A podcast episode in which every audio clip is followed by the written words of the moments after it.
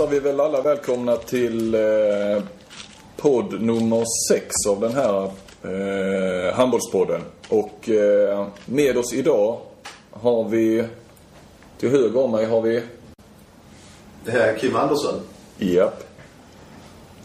Till vänster om mig har vi, eh, Jesper Lindgren. precis. Och mitt framför mig sitter, Ja, där sitter som vanligt Kent-Harry Andersson. precis. Eh, Kim har vi väl alla koll på. Eh, Jesper tror jag i och för sig att Handbolls-Sverige har, har koll på. Men eh, om du ändå, du kan ju berätta lite var, var vi är någonstans. Och, Ja. och, Eh, Vi är ju i eh, mina lokaler på eh, regementsområdet Ystad. JL Fysiocenter som är en rehab och sjukgymnastklinik. För eh, såklart men eh, även för våra elitidrottsmän och i synnerhet handboll. Eh, här finns vi idag. och du har varit, du är landslagets, är det sjukgymnast man ska kalla det? Eller? Ja, absolut. Så lätt med ja, titlarna. det är, eh, enligt gamla synsätt och talesätt så är det legitimerad sjukgymnast. Och en av, eh, en av dem i teamet. Vi är flera stycken. Vi ska, numera sen några år tillbaka så är vi alltid två sjukgymnaster när vi samlas. Så jag är en av dem. Och här Kim, du har, det är väl din... Apropå pigga spelare. Vi ska snacka mer om, om din eh, situation och sådär. Men du har varit här mycket hos Jesper. Det är väl din eh, husläkare? Det är ju min mentor, min, mitt orakel, eh, ja, guru. Jag vet inte hur, många superlativ jag så, ska plocka fram. Nej men det är jag... eh, Mitt första möte med Jesper var ju för eh, 15 år sedan. Mm. Han hade problem med ryggen. Då var vi inte i den här lokalen men eh, Nej. Dock hos Jesper Lindgren. Så, att, eh, så länge har vi jobbat ihop och det är inget jag tänker sluta med. Bra. Innan vi kommer in på, på Kim och lite mer snack och, och Jesper och så, så eh, har vi väl eh, lite vad som har hänt sen, sen vi hade Jag kan förra ju bara podden. tillägga innan vi går vidare också att han har även hand om mitt knä som är väldigt dåligt. Så han, han, han, Den, ha- den han halvtidstjänsten. sköter det gärna rehab. Bara de två är en halvtidstjänst. Vad, eh, vad säger du Kent-Harry? Du har tittat på lite handbollsmatcher. Ja, det var ju två fantastiska matcher förra, förra helgen, eller i söndags. Först tittade vi då på eh, El Clasico, Flensburg-Kiel. Och det blev egentligen ingen match därför att eh, det var ju 21-14 i halvlek och det fanns ju bara ett lag på banan egentligen. Eh, till slut vann man med 34-30, full kontroll på matchen. Eh, kan väl säga så också att eh, Kimma sitter här och ler. Man kan väl säga så också att jag tyckte faktiskt att Flensburg var bäst på alla positioner. Utom, eh, utom vänsternian där Kiel då har eh, Gisha. Men i övriga positioner var Flensburg bättre. Och framförallt då kanske på målvaktspositionen i Mattias Andersson. Eh, som då avgjorde matchen på något sätt. Mattias har ju visat en, väl en spirande form. Han var väl lite sisådär i, i början på säsongen. Eh, det kommer ett, ett EM eh, här nu snart. Eh, han har inte spelat i landslaget sen, sedan OS. Eh, om jag har förstått det rätt så, så tror jag att han... För då hette det att han skulle ta en paus för landslaget. Men jag tror att han är nog redo igen om, om han skulle bli uttagen. Det är uttagning den 9 december förresten. Jag pratade med Staffan i, igår. Och då sa Staffan också att det är väl en position som de klurar mycket på just på, på målvakterna. Vad, eh, eh, vilka tycker du? eh, Nej, men det är ju så här att eh, för mig är ju Mattias Andersson klar nummer ett i Sverige. Mm. Det såg man den här matchen också. Palicka, Sjöstrand, de, de bytte lite fram och tillbaka. Bra målvakter, men, men jag tycker inte de räcker riktigt till i de här sammanhangen. Eh, Mattias hoppas jag ställer upp. Hans mamma och pappa kommer bara åka över bron för att titta på, på EM i Danmark och, och det skulle också kunna vara en motivationsfaktor. Sen tycker jag faktiskt, nu har jag inte sett honom spela så mycket i år, eh, men Appelgren i Melsungen har tydligen slagit ut eh, Sandström som första målvakt. Ehm, och, och gör det väldigt bra. Nu senast mot Magdeburg, där Melsungen vann i Ma- Magdeburg. Då ska man veta att både Kiel och Flensburg har förlorat där. Och där han har varit helt fantastisk. Så mina målvakter för EM, det är, det är Thomas Andersson och... Nej, Mattias. Ja, förlåt. Var det farsan? tänkte jag på pappa. Men där- men där Thomas lag. Eh, Mattias och, eh, och eh, Appelgren. Ja.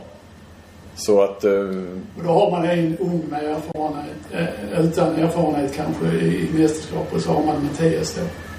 Som då har varit eh, kanske Bundesligas bästa målvakt i tre säsonger nu. Petar Sjöstrand och Palicka med andra ord. Ja. Ja. Jag Du såg en match till, ja. Ja, jag såg en match till där med, med Kielse och Kolding, alltså Kims klubb Kolding. Mm. Eh, och där vann faktiskt Kolding igen på bortaplan också, vilket jag tycker är väldigt imponerande. Därför att man, man har pratat om Kielse som en av favoriterna att ta en plats i Final Four. Men eh, här vann alltså Kolding på bortaplan också och, och då ska man till, lägga till att Lars Jörgensson, den, den stora försvarsspelaren, han var inte heller med i den här matchen och där Kim var, var också borta naturligtvis. Eh, om man leder, när det är tio minuter kvar i matchen, leder man med fem bollar. Eh, men då svänger liksom alltid. Man går ut, eh, Kielce går ut på en eh, 5-1 på eh, Spellerberg. Eh, och då får man problem och det, där blir jag lite betänksam där med Lu- Lukas eh, Karlsson den här matchen. Eh, han klarar inte riktigt det. Han blev lite stressad i den här situationen. Naturligtvis var det ett väldigt liv på läktaren. Naturligtvis svängde domarna helt till eh, Kielses favör i det här läget. Så det blev jämnt i slutet och så får då en eh, eh, en straff i slutet som inte var en straff. Och har man då chans att kvittera. Men, men Kasper Witt räddade den här straffen. Och, och, och, och då såg man även i den här matchen ett målvaktsspel som var kanske ännu bättre än Mattias i matchen innan. Mm. Jag tror han slutade på 47 procent på den matchen.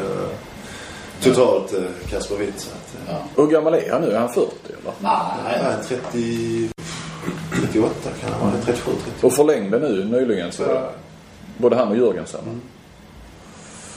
Vad är, ja, vad, ska vi, du ska lista någonting ja, kanske? Brukar du göra varje, då kanske du kunde passa lista med, lite grann eh, målvakter. De fem bästa i skulle, världen. skulle passa bra i sammanhanget då. Ja, om jag var tränare så skulle jag vilja ha två av de här målvakterna egentligen. Och då har jag listat Kasper Witt naturligtvis, som fortfarande är en av världens bästa målvakter. Eh, Niklas Landin som står i Rhein-Neckarlöven. Som är en ung lovande målvakt.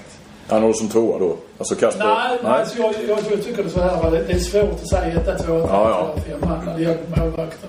Det är ju mycket dagsformen som avgör. Men, men de fem jag skulle vilja välja mellan, det är ju de här då. Silvio Heinefetter i Berlin, som kan vara helt eh, omöjlig.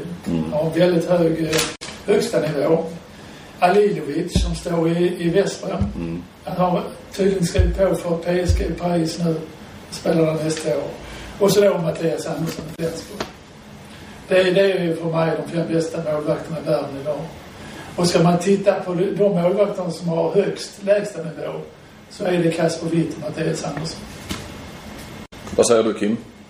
Jag är ganska så enig i det han säger. Jag skulle kanske...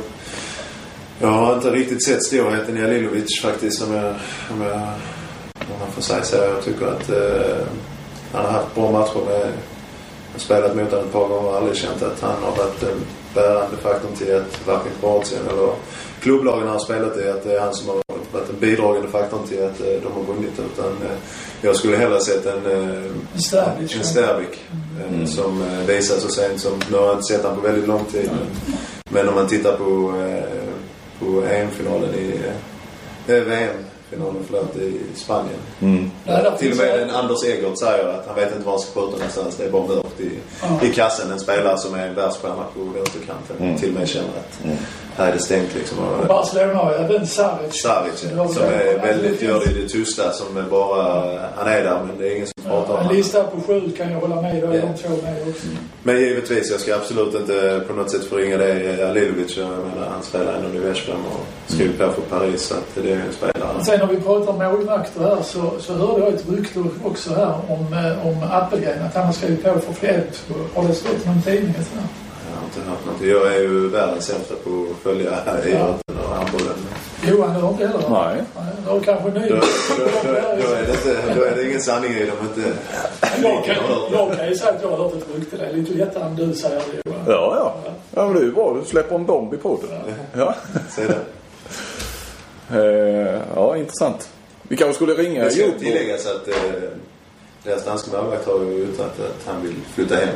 Ja, Till, ja. eh, ja jag till tror han ska hem. Jag tror det är klart. Ja, jag vet inte om det är klart men jag har bara hört att... att Och då måste ju att det är Flensburg här sätta och det är nära till hans Ja. äh, appelgren tror jag. Ja. Du slår av med Jobbo igen kanske? Jag kanske skulle ringa och slå vad en flaska vin ju. Han, Ja, han förnekar säkert. ja, ja, men eh, ja, Det är precis. det nya Pluras kök eller vad?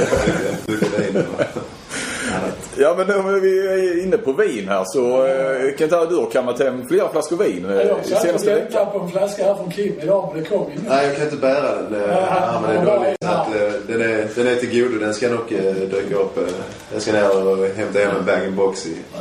Ja, det var faktiskt Bra, li- så. lite julafton för mig efter matchen. eh, Flensburg Jag hade många vad.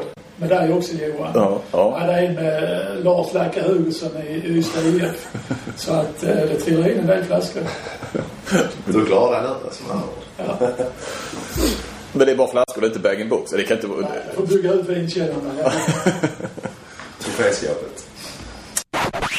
Har ni guckburk hemma? Du, eh, ja, vi, du och jag står i alla fall, vi kör ju en hundralapp. Eh, och vi står ju, nu är vi lika igen ja. Du eh, tog det senaste.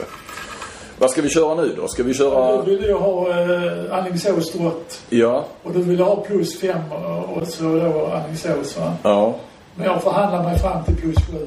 Därför Ja. att drott får mig inte så jättebra för tillfället. Så, så vinner Alingsås med sju eller mer så, eh, Så vinner du. så vinner du. I annat fall så, så vinner du. Mm. Då kör vi på det. Match på söndag var det va? Söndag var det. Ja. Eh, om vi fortsätter lite. Vi, vi gled in på, på eh, elitserien här.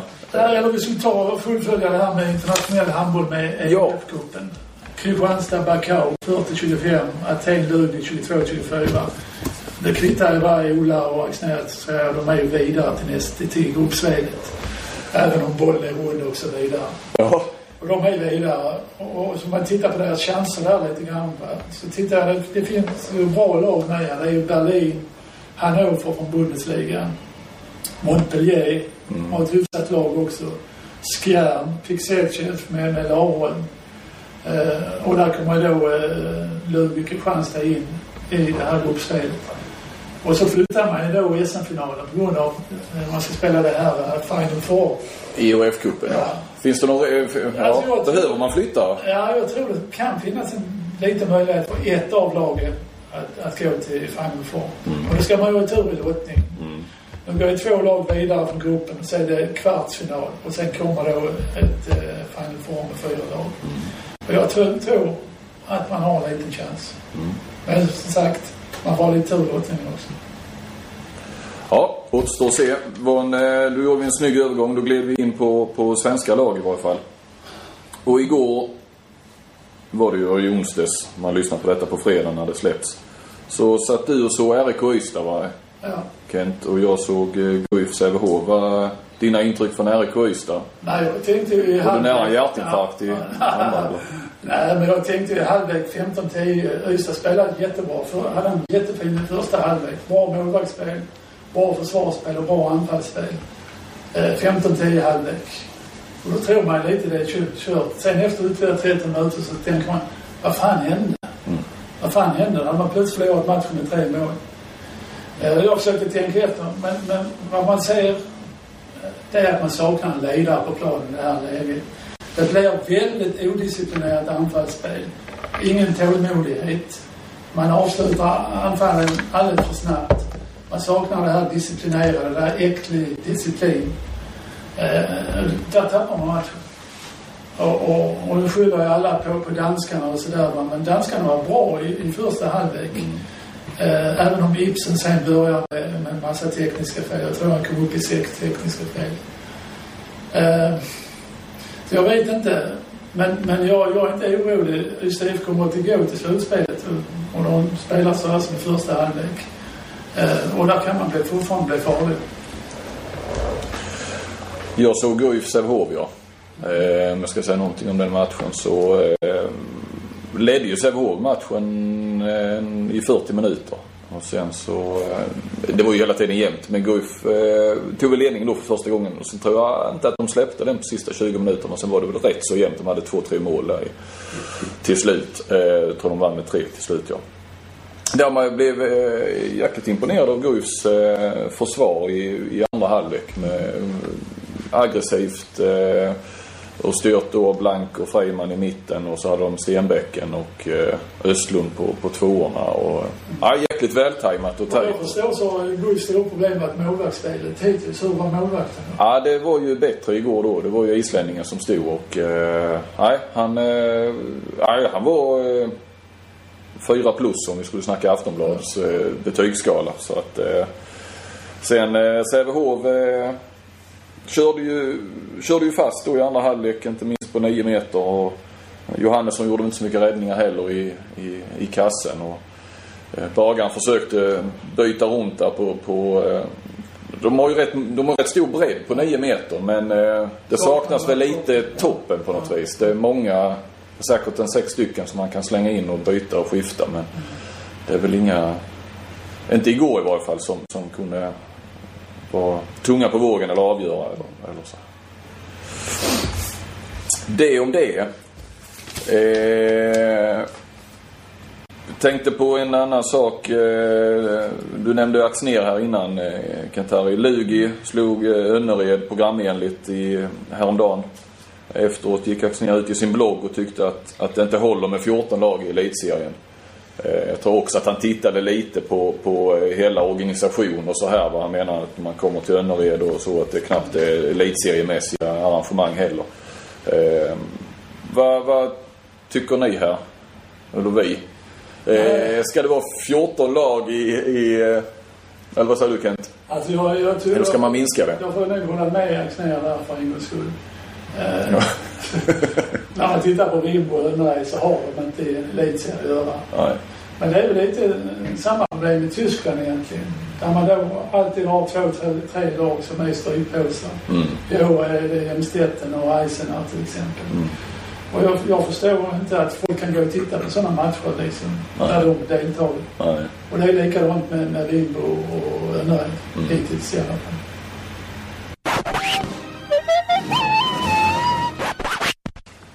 Men jag tycker att vi går över till, eh, till dagens huvudperson om eh, Jesper ursäktar lite grann. Absolut. Eh, så, så är det Kim. Ja, vi har ju skrivit om det redan och, och så här att du är opererad. Du har nu gått två dagar. Hur... Typisk, en journalistfråga. Hur känns det? Hur känns det? Ja, det är... Ja, vad ska man säga? Det känns väl eh, lite lättande faktiskt. Eh, lättnaden är väl att man har fått gjort den här operationen. Och, och, eh, smärtorna är väl ingenting man är väl inte så roliga av men, eh, men som sagt lättnaden är väl största känslan har just nu att, att fått gjort det här och resultatet av, eh, av operationen och det jag fått berättat eller återberättat av läkare och som Jesper kommer kanske hjälpa till lite med att förklara sen eh, vad man har hittat och vad som har gjorts eh, gör att det känns, känns verkligen det känns tråkigt givetvis det man har haft framför sig och att man inte har kunnat spela en lång tid men, men, men det här gör ju ändå att det känns som det är ljusning i Mm. det som komma skall. Vad, vad säger du Jesper, ja, som sakkunnig? Vad, vad har... Ja, det har ju varit en, eh, för, för Kim en eh, lång, lång resa helt enkelt som eh, egentligen började i våras med, med den axelskadan som låg till, till grund till den här jobbiga perioden i samband med landslagssamling.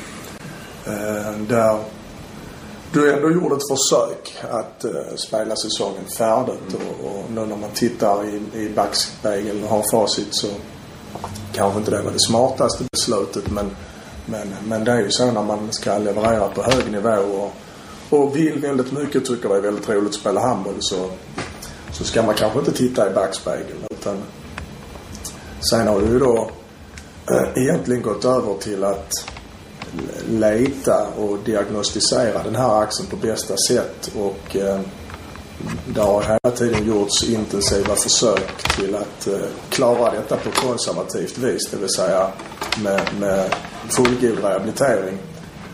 Och eh, när man då hela tiden får ett bakslag som du har fått så till slut så, så måste man sätta punkt för att den här rehabiliteringen kommer inte fungera. Eh, och eh, nu måste vi gå vidare. För då har jag hela tiden haft en plan att eh, jag tänker inte sluta spela handboll så här i alla fall. Mm. och det har väl varit en morot eh, och, och drivkraft att jag ska spela mer handboll. Ehm, för du tycker det är kul. Så har jag ju fattat. Och eh, efter ett rätt så gediget letande såväl diagnostiskt i, i Kims axel som letande efter bästa tänkbara operatör så, så eh, utmynnade detta ju faktiskt i en eh, landsman, får man väl kalla det till dig nu, dansk efter, efter eh, bra kommunikation och godkännande av våra landslagsläkare i Malmö så var det Hans-Viggo Johansen som planenligt skulle göra en artroskopi, det vill säga titta in i axeln och se så att det man ser med, med blotta ögat överensstämmer med den bilden som den ja, kliniska undersökningen eh, visar och de MR-bilder som är gjorda vid flera tillfällen visar. Och det, och det tål väl att påpekas lite grann att en, en, en MR-bild eh, är en ögonblicksbild. Det är någonting som man ser i det ögonblicket, i den vinkeln. Och, och, och i lekmannamässigt, i eh, massmedialt så tror vi på något sätt att ja, men får vi gjort en MR-undersökning så ser vi allt. Och, det, och det är inte sanningen. Eh, och det är mer komplicerat än så. Så att det, tydligheten har inte varit eh, perfekt i vad är, eh, vad är den här diagnosen? Vad står det för? Vad är utsikterna? Och, och därför bestämdes det att det skulle göras ett artroskopiskt ingrepp. Och, och där kunde man på, på sitt sätt så kunde man avfärda de värsta skadorna kan vi väl säga som så, som kanske hade gjort det svårt att komma tillbaka som handbollsspelare. Vilket det fanns en oro för. Samtidigt så bekräftades den instabiliteten som du har haft. Eh, som du till viss del även har haft innan vårens skada.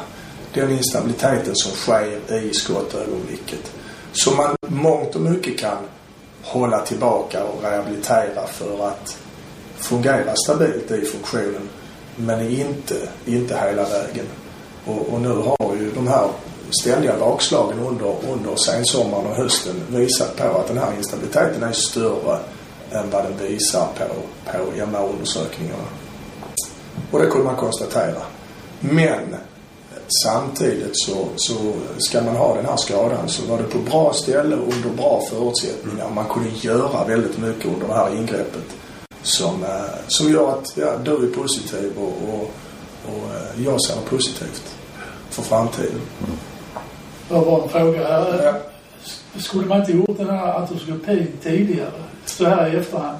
Man är lite efterklok. Jo, det kan man tycka. Eh, det kan man tycka, men alltså, det, är aldrig, det är aldrig bra att gå in i en led. Och eh, ännu mindre i en axelled. En axelled är väldigt komplicerad. Eh, den är uppbyggd av muskulatur i, i stort sett. Eh, Man måste också veta att man har undanröjt alla andra möjligheter till att rehabilitera detta till ett fullgott resultat. För man, när man gör artroskopin så måste man också veta vad ska det här leda till. Eh, och nu fanns det ju en farhåga om en eh, faktiskt en allvarligare skada än vad som nu är konstaterat efter operationen. Och, och eh, ja, jag förstår vad du menar. Med, med, med facit i hand så kan man alltid säga att man kanske skulle gjort det tidigare. Men det vill jag också tillägga nu för nu har jag inte, du har inte haft tid att prata med läkaren som opererar mig men han har ju också poängterat för den frågan fick han ju direkt av Kasper Witt som var snabb med att ringa och höra hur det hade gått eh, på morgonen efter operationen. Och fråga givetvis alltså nu när vi har sett detta och operationen är gjord, skulle vi inte ha gjort detta direkt? Och han menar ju på, dels för att man inte har kunnat se det de hittade i axeln har inte visats på MR-bilderna där. Och han sa att, precis som Jesper säger, att gå in i leden ska man ju försöka och, och, och låta bli så länge det går. Att, att Kasper Witt ringde först.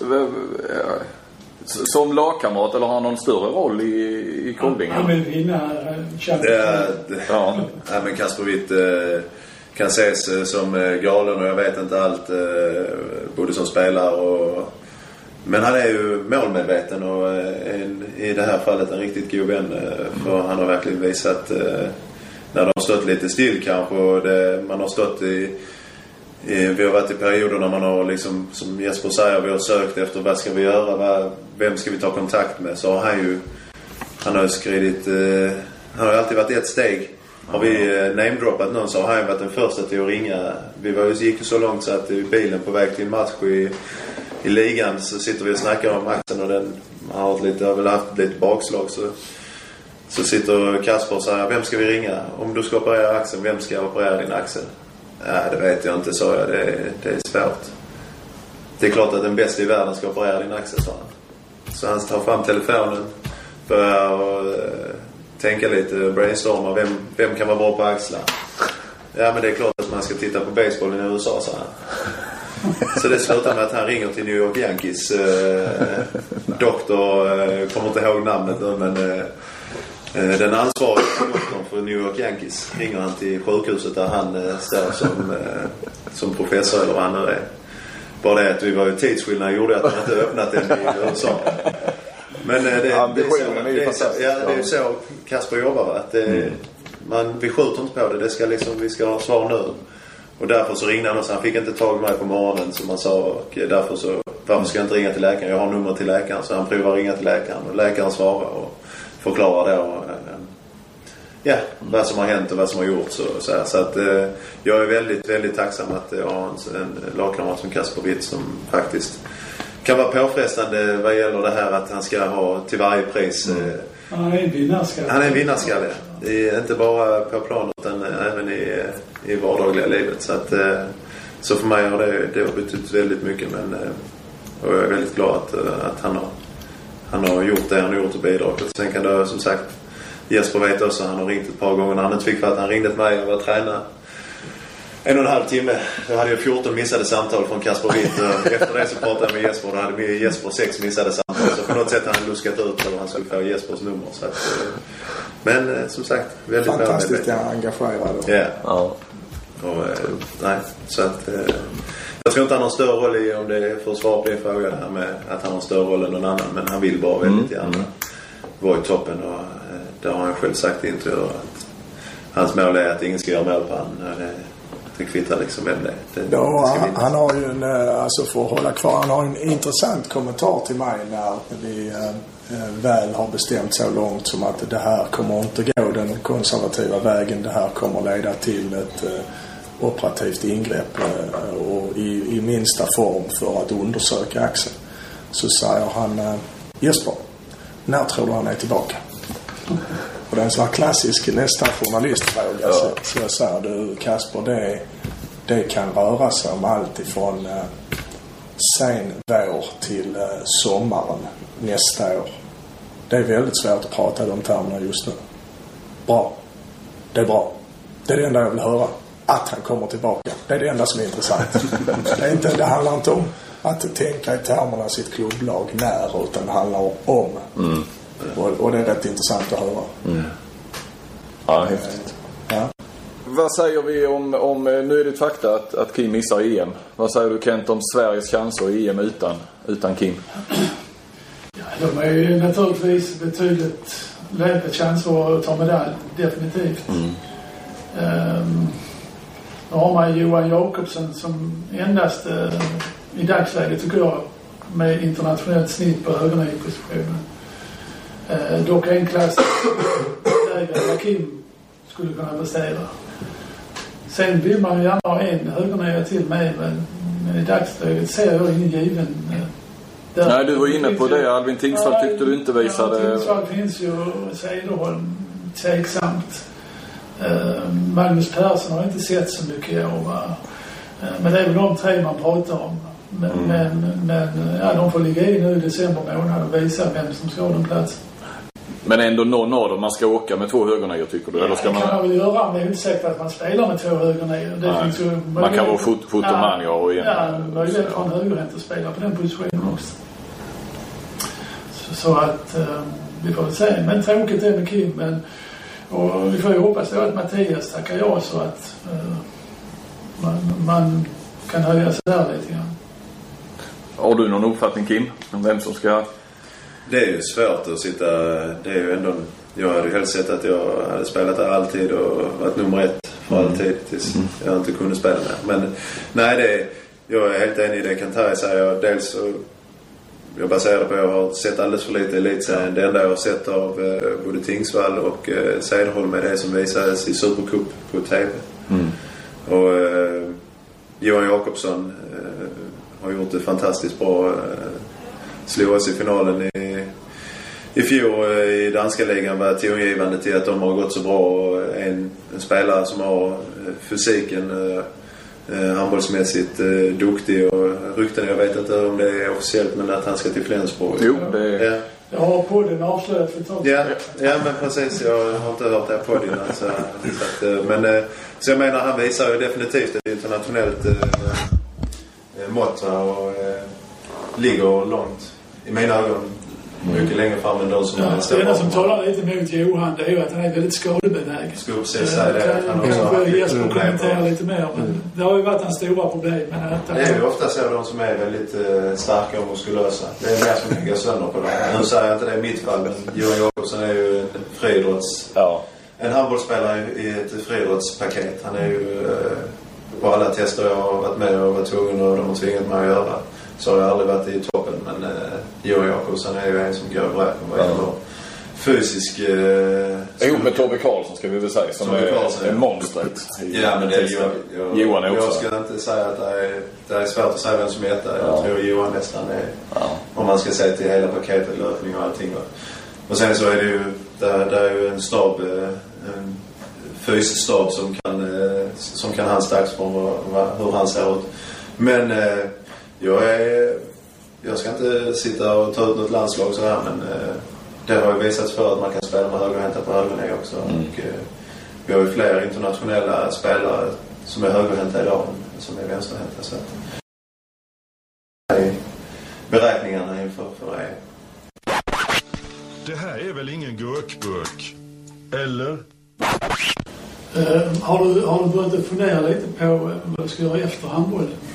Jag la ut lite krokar här eh, här nere hos eh, en, eh, en god vän, Anders Månsson på Team Sport idag och la ut lite krokar eh, om, eh, om han kanske hade en plats ledig här nu när man inte hade spelat på lång tid. Man kanske skulle jobba nere hos honom på sportbutiken. Här i Ystad. Här i Ystad, på Östergatan. Skulle inte du sälja GPS på Elgiganten? Det sa du en gång till Ja, mig. eh, alltså som sagt, jag, ungefär där är jag. Ja, ja. Jag har aldrig riktigt Butiksbiträde.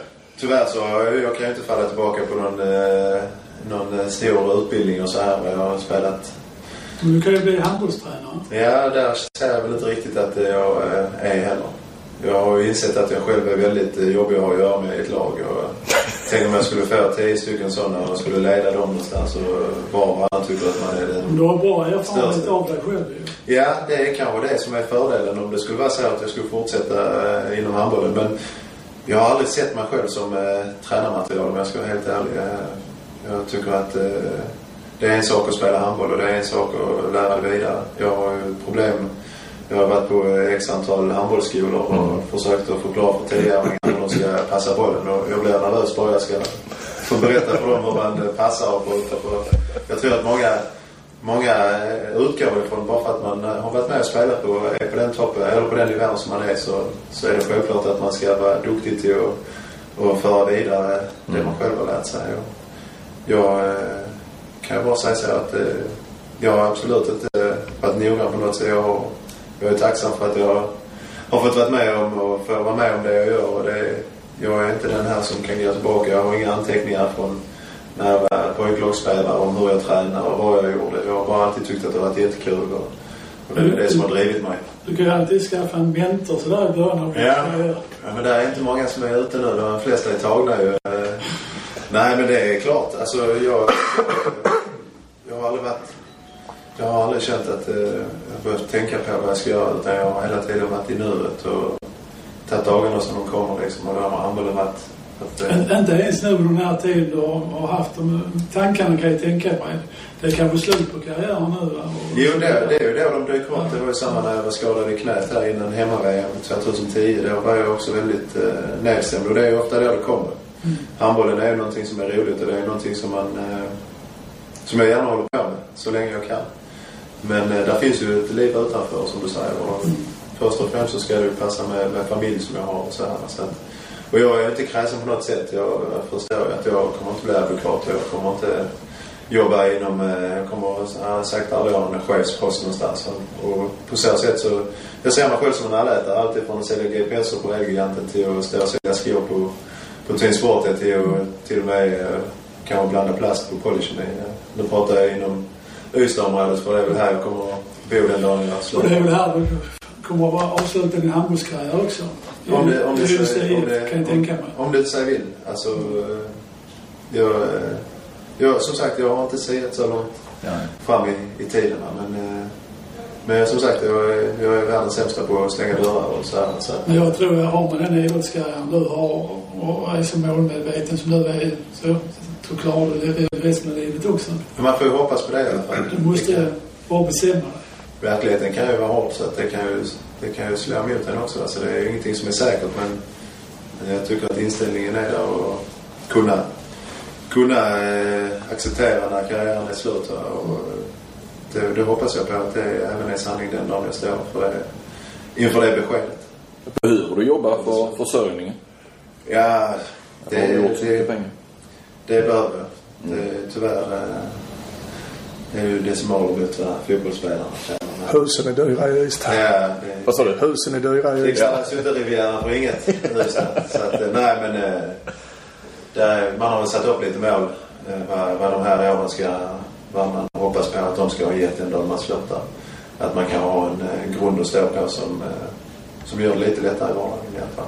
Och, det hoppas vi att eh, så är fallet.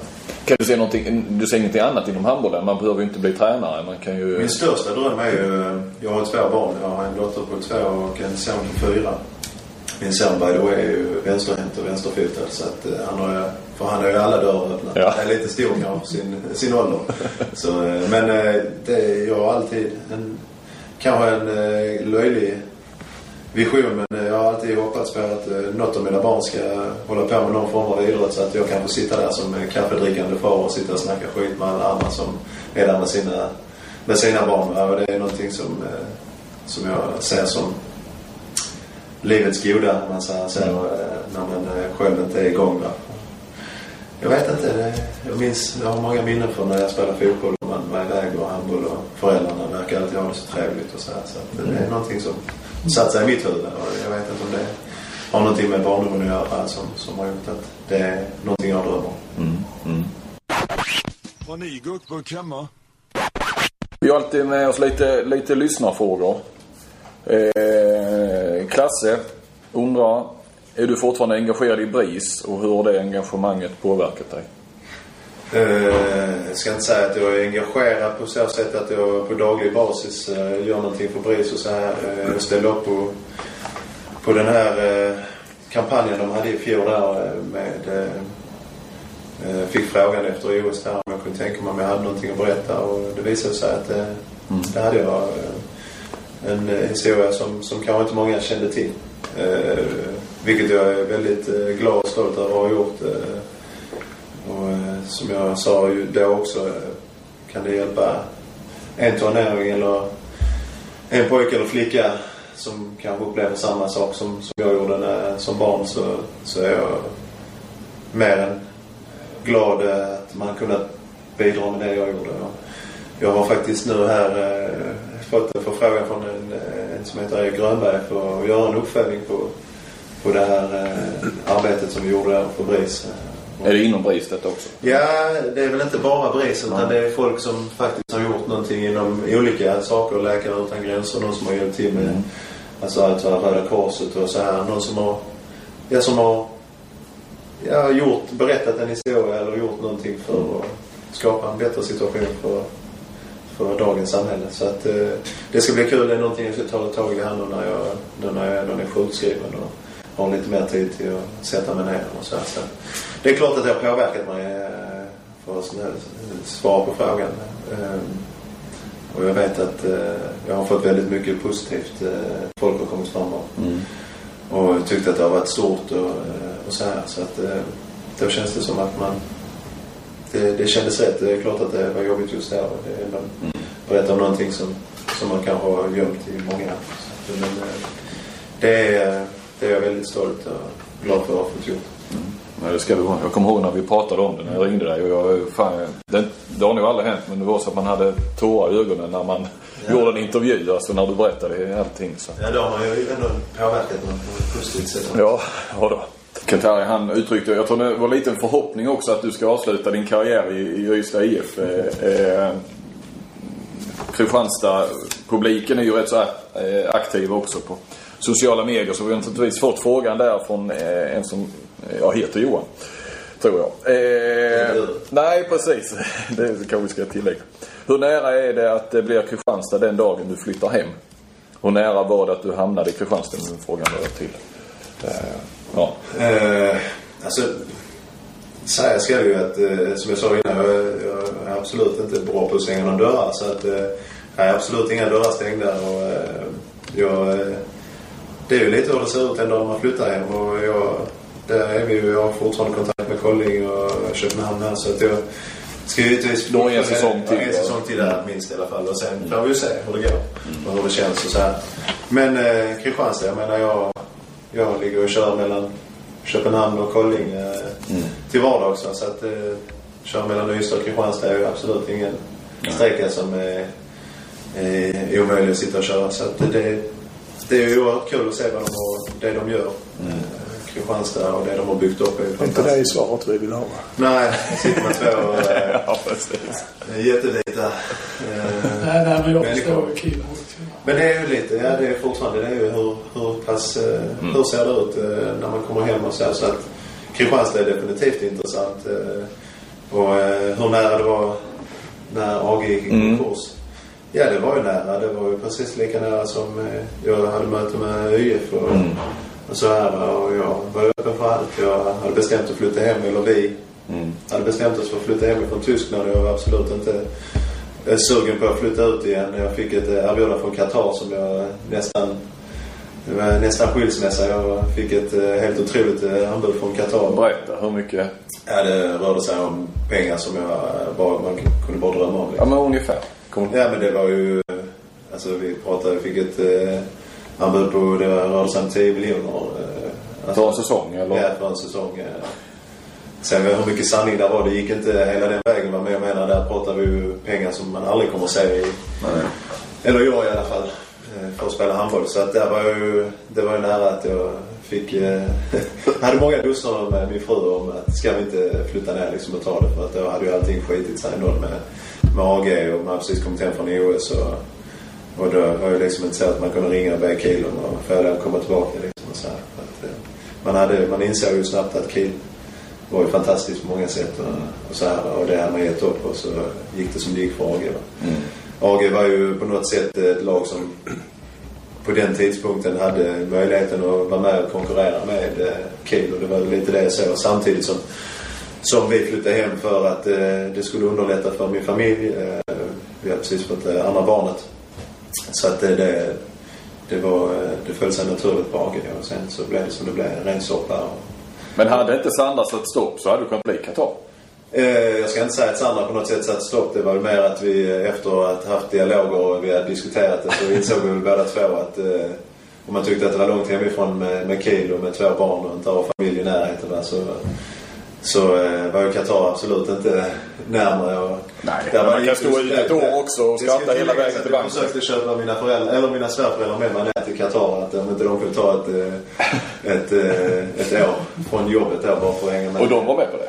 Nej, jag vet inte om de var med på det men eh, jag, har- jag har alltid haft en bra, eller jag har bra, väldigt bra kontakt med Sandras föräldrar och, och eh, jag tänkte jag chansar. Eh, slänger ut den och så får vi se vad, om det är någon som biter på den men som sagt det kom aldrig, det Nej. gick aldrig så långt. Så att, eh, ja, det, Paris hörde de av sig. inte då, inte, inte vid det tillfället. Eh, Det var klart att det var intressant med tanke på att eh, en av mina grejer, tillägga ska ju att en av orsakerna till att jag ens övervägde att flytta eller spela i AG var ju faktiskt att få spela med Mikkel Hansen eh, och prova att spela med honom som då och även nu är en av världens bästa spelare och jag tyckte det var intressant. Och konstellationen AG Köpenhamn nära hem, eh, familjen kunde bo i här i Ystad och familjen nära och så.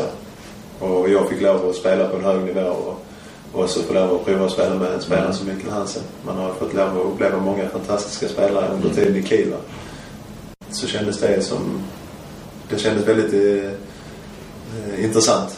Och när han sen där under OS så pratade vi lite och så här och de skulle göra som också skulle hitta nya klubbar och där var väl lite ny som Paris. Där han snackade lite om Paris och då blev man lite nyfiken om det kanske fanns plats till några övningar. Men där hade de väl redan, som jag fattade, var ju kopplingar, eh, heter väl eh, Ja. ögonögon. Ja, Kroatiens. Ja, Kroatiens ögonögon hade de ju precis köpt här. Så att, eh, jag fick snällt ställa mig i ledet och vänta och det blev, jag fick faktiskt frågan efter att det, det var kanske bara löst men eh, det var lite intresse från Paris. Barcelona minns jag. Och Barcelona har också varit intresserade. Men eh, som sagt, då är vi ute igen på att flytta långt hemifrån. Och Mm. Det känner väl varken jag eller min familj att det var så intressant. Eh, du nämnde ju Karabatic här innan. Ska vi riva av eh, de här stående frågorna vi har, som vi ställer till alla våra gäster? Om Jesper ur- ursäktar, du är gäst också Jesper, men, absolut. men, men Kim är huvudperson. Ja, då. huvudgästen. –2000-talets bästa, Karabatic eller Balic? Karabatic. Ja. Och ska jag formulera mitt svar så kan jag säga så att eh, för mig är en, en världens bästa är en spelare som eh, kan både spela anfall och försvar. Och där tycker jag att Karabatic har visat många av att eh, han inte bara är en, eh, en eh, anfallsspelare av rang utan även en som eh, kan styra upp ett försvarsspel och eh, har visat eh, gång på gång att han, han även är en, ledare i, i defensiven. Så att eh, jag lägger väldigt mycket värde i att, att, eh, att man är en tvåvägsspelare och det tycker jag att världens bästa spelare ska vara. Därför så faller det självklart på Nikola Karabatic. Hur går det för Sverige i EM? Ja. Får man vara eh, så pass oskön så att man säger hade jag varit med så hade det gått jäkligt bra. Ja, Men, eh, Det är klart du får säga.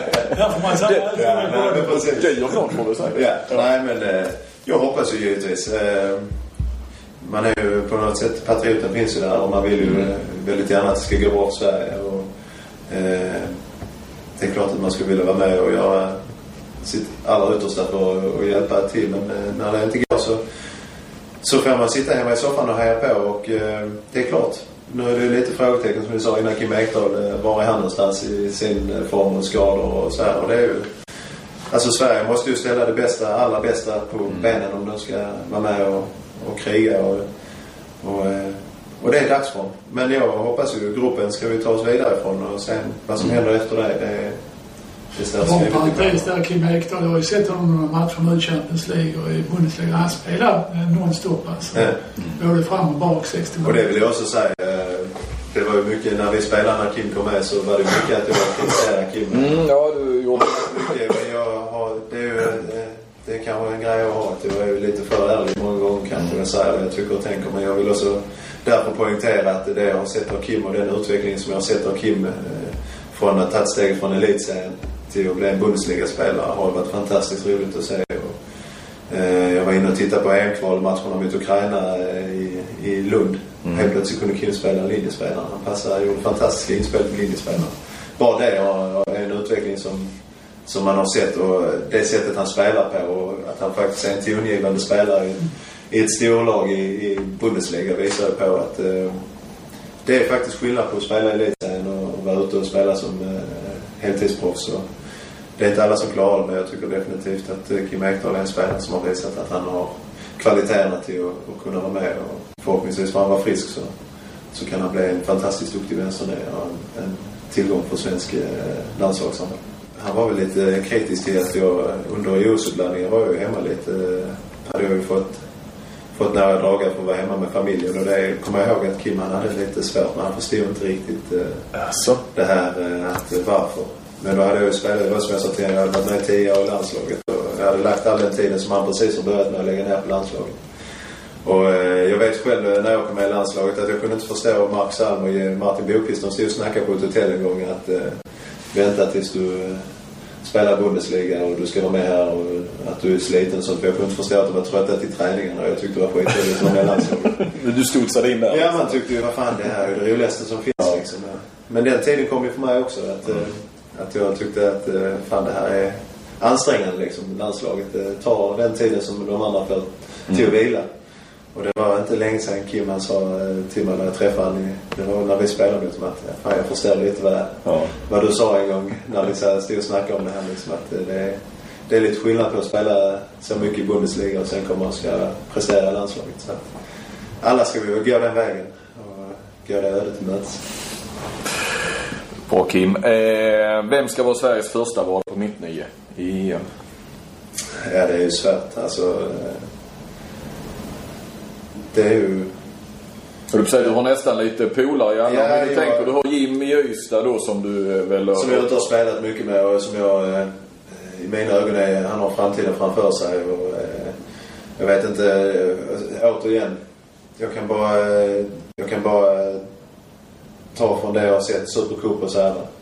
Och det är inte en, eh, Jim kommer tyvärr inte i mina ögon kunna bära Sverige på sina axlar. Det jag ser som största kandidaten är ju, jag nu ser jag alldeles för lite, jag är alldeles för ointresserad av idrott och följer det allt för dåligt för att kunna sitta och på något sätt sitta och ge några expertutlåtanden. Eh, Men jag tycker ju att en sån som Lukas Karlsson är en fantastiskt duktig spelare. Kantari säger att han och Mikic sist att han kanske inte höll det riktigt. Och, och eh, jag kan vara enig, eller vara beredd att säga att han kanske inte, de gångerna han spelade landslaget, de chanserna han har haft har han kanske inte heller tagit och så här. Men när man ser han spela till vardags och är med och tränar och, och får spela, nu har jag inte spelat med den här säsongen, men i fjol liksom. Alltså det är en spelare som har eh, han har handbollskunnandet. Han är, han är en spelare som är duktig att fördela spelet men är också oerhört farlig i sitt eget. Och Han kanske inte ska vara första mittnia men han ska definitivt vara med i beräkningarna. Vem som ska vara första nia är svårt att säga. Eh, De säger att Patrik Fahlgren går riktigt bra i Melsungen. Annars har jag svårt. Jag har ingen sån ledargestalt som, som Stefan Löfven. Det finns det inte i dag, dagens... eh, Ja, det är väl de tre du nämner som är aktuella för. Alltså jag ser bara ett litet problem nu när du är skadad också. Och så ska spela med Lukas eller Fahlgren. Måste man ha Ja, två spelare där i Ja. försvaret. Så att... Och det, eh, det är ju det lite grann som talar för Jim. Ja. Han, han kan ju spela tvåa bakåt. Det klarar han ju ett EM. det Ja men då är frågan, kan han göra det eh, i ett EM? När det är skarpt Nej, läge? det, Det är också, han är ung och han har verkligen framtiden framför sig. Men eh, ja, och han har inte så mycket speltid i Flensburg heller nu de sista viktiga jag har matcherna. inte sett som sagt så mycket. Men, jag vet ju att en sån som Lukas spelar ju... Han måste ju spela. Vi har bara två, tre spelare just nu för vi andra är skadade. jag håller med med Lukas. Jag har sagt det hela tiden att, Lukas är kanske nummer ett. Men Ja. jag bara blev lite betänksam när jag såg de här sista Ja, absolut. Och det det är just de här skedena mittnära ska lyckas styra upp spelet och, ta lite ansvar. Om man ska prata landslag och vi ska trötta ut lyssnarna så om man går tillbaka till Kroatien 2009 så Lukas var ju fantastiskt duktig fram till han slog axeln och led igen där och fick åka hem. Där vill jag, vill jag också säga att där visar han ju faktiskt den klassen som han har. Eh, och eh, sen är det ju, eh, för får man chansen och man känner att man får tilltron och f- får, får känslan att någon litar på en. Då är det lite lättare kanske att blomma ut. Har man de här små eh, spontaninhoppen kanske inte är så jävla lätta. Han har kommit med och känt, säkert känt också att han måste bevisa. Precis. Hela och då tiden. lägger man den pressen på sig. Så kolla på skidskyttarna nu. De tyckte ju pressen var alldeles för hård från SOK och kunde inte prestera så här för att eh, det var alldeles För att du kollar skidskytte? Nej, men jag läser ju tidningen. Ja, så du hänger med så Ja, pass? det var väl till och med Aftonbladet kanske som hade... hade Oj, halkade, halkade du in där? Ja. Eh, Av ren slump.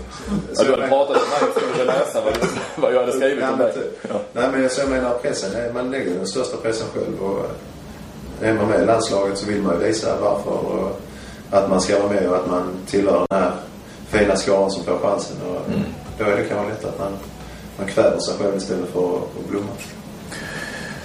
Vilka spelar final och vilka vinner EM? Alltså vinner den finalen. Alltså nu när eh, Frankrike har eh, fått skada på Mea som eh, tydligen inte är med i EM så ser jag det som ett oerhört stort avbräck. Jag har inte sett någon, någon målvakt gått in och tagit den platsen. Varken om man ser till Paris har väl en duktig målvakt som har fått spela mer och mer nu med tiden här. Eh, men har ju varit en, en annan målvakt. Jag kan inte namnen. Jag vet inte vad han heter men eh, Jag tror inte han är med överhuvudtaget i landslagsresonemanget. Alltså jag tror de har väl med Dunkerques målvakt och Ja, eh, sen ja, har de och han eh, håller inte riktigt. Nej, det har ju, tycker jag visar i Champions League. Jag tycker att det är ett stort avbräck för Frankrike och därför kan jag inte sätta Frankrike som den klara mästerskapsfavoriten som de alltid har varit innan. Därför så sätter jag väl mina pengar på att det är Frank- äh, Spanien och Danmark som gör upp i en eh, EM-final. Vilka tar finalen då? Ja, Jag tror att eh, Danmark... Eh, jag tror Danmark eh, drar det längsta strået på hemmaplan. Jag vet bara hur det var för oss när vi spelade VM på hemmaplan och vad det gjorde för oss. Ja, vi har ju sett Ser- Serbien, eh, Slovenien en gång 2004. Tyskland hemma-VM. eh. Niklas Landin eh, på hemmaplan. Eh, kommer han upp i den eh, form och den nivån som han eh, visar i Rhein Löven och får vara skadefri så har de kanske eh, världens bästa målvakt. Mm. som, eh, som vaktar kassen. Så att, eh, jag, sätter, jag sätter mina pengar på, på att Danmark tar det på hemmaplan. Vilka spelar final i Champions League? Det gör eh, KIF Kolding Köpenhamn och eh, vi, eh, vi får sätta oss mot eh, Barcelona. Nej, Barcelona, nu, nu ska jag inte skämta men Barcelona ser jag som eh, ett lag som, eh, som bör vara i final med det med, med, det, med den kalibern som de har på spelare och så här. Alltså, och den ligan som de spelar. Det kanske är en fara så att de inte har en liga och har någon motstånd.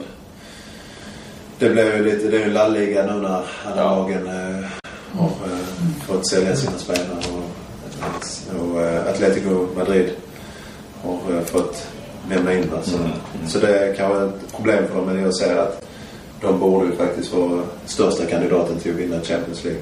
Sen har jag svårt att säga vem som skulle vara. Jag tycker Flensburg i sina dagar, när de spelar som de gjorde mot Kiel här, så är de definitivt en kandidat till att kunna ta sig hela den vägen fram till final. Eh, Kiel har jag svårt att se. Deras högsta nivå kan vara väldigt hög eh, men eh, de har en lägsta nivå som är alldeles för låg för, för att kunna kunna abonnera på, på finalplatsen eller kunna säga att de ska vara i final. eh. Är det risk att de Bra missar, analys, Kim.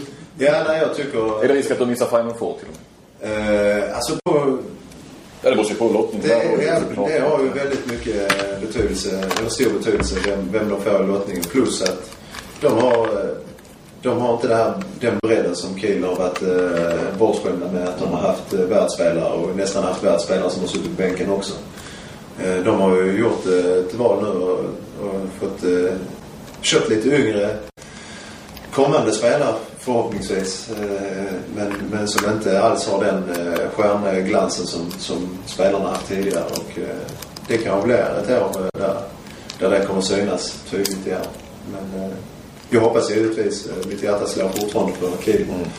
Och jag ser gärna att Kolding Köpenhamn gör en, en dundervår och eh, placerar sig i Final Four. För säga vad man vill men vi har ju faktiskt visat att eh, på dagen när allting slår rätt så kan vi faktiskt slå de lagen som, Mm. som på förhand ses som, som Final Four-material. Ja, det har man ju visat de här två matcherna mot Kielce. Och i fjol, eh, Reineke Löven vill jag också alltså, Ja. gå tillbaka till. Laget Det är nästan detsamma som i fjol. Så att, eh, jag hoppas. Och man måste ju få lov att drömma lite. Absolut. Eh, du följer inte elitserien jätte, jättenoga. Men eh, vilka tror du spelar SM-final? Jag tror ju faktiskt att det blir Kristianstad och Lundby som, eh, som eh, jag trodde skulle bli redan i fjol. Eh, Det jag läser och det jag ser. Tycker att de har den största bredden. Kristianstad framförallt. Med, återigen för att visa målvakterna hur viktiga målvakterna är. De har Mm. två oerhört duktiga målvakter. Och, eh, och så har de eh, spelare som är, som, eh, som jag tycker, Marcus Olsson som är en fantastisk spelare med en potential som få har i svensk handboll. Eh, också en sån som träffar han dag så är han, Mm. är han fantastisk att titta på. Vi pratade redan om Gudmundsson här innan som visar ett spelmässigt eh, förstånd som, som få gör i dagens elitserie. Och vinnarskalle, jag menar där, där har vi ju en Jeppsson som, som verkligen går i bräschen för det här med vinnarskalle. Och på gränsen till att vara lite crazy, om man kan säga så. Om man har läst och hört och så här. Så att eh, jag, jag tycker Kristianstad är definitivt en, en final, ett finallag och eh, med, de, med den värvningen som Lugi har gjort och med det försvaret de har och med de spelarna de har så tycker jag kan man nästan kräva att de också ska spela finalen. Vilka tar finalen då om du får börja? Nej, jag tycker det är väl dags att Kristianstad tar den. Mm. Nu har de varit där två år i rad och tredje gången gillt. Three is a charm, säger de inte det på engelska? Det, att, eh, det gör de kanske. Tredje gången eh, tror jag nog att eh, det ska lyckas för Jonas och hans manskap. Bra. Då... Eh, någon som har något mer att tillägga? Jag kan bara säga att morfinet har gjort att jag känner mig jävligt snurrig nu. Alltså, så att, eh, Då eh, tar vi och rundar av det här. Mycket trevligt. Eh, tack ska ni ha. Och eh, Tack själv. Tack själv. så eh, kör vi nästa vecka också, Kent. Ja, Så ser vi vem, vem, vem som är gäst då. Det får vi återkomma till. Tack för att ni lyssnade. tack, tack. Tack, tack. tack.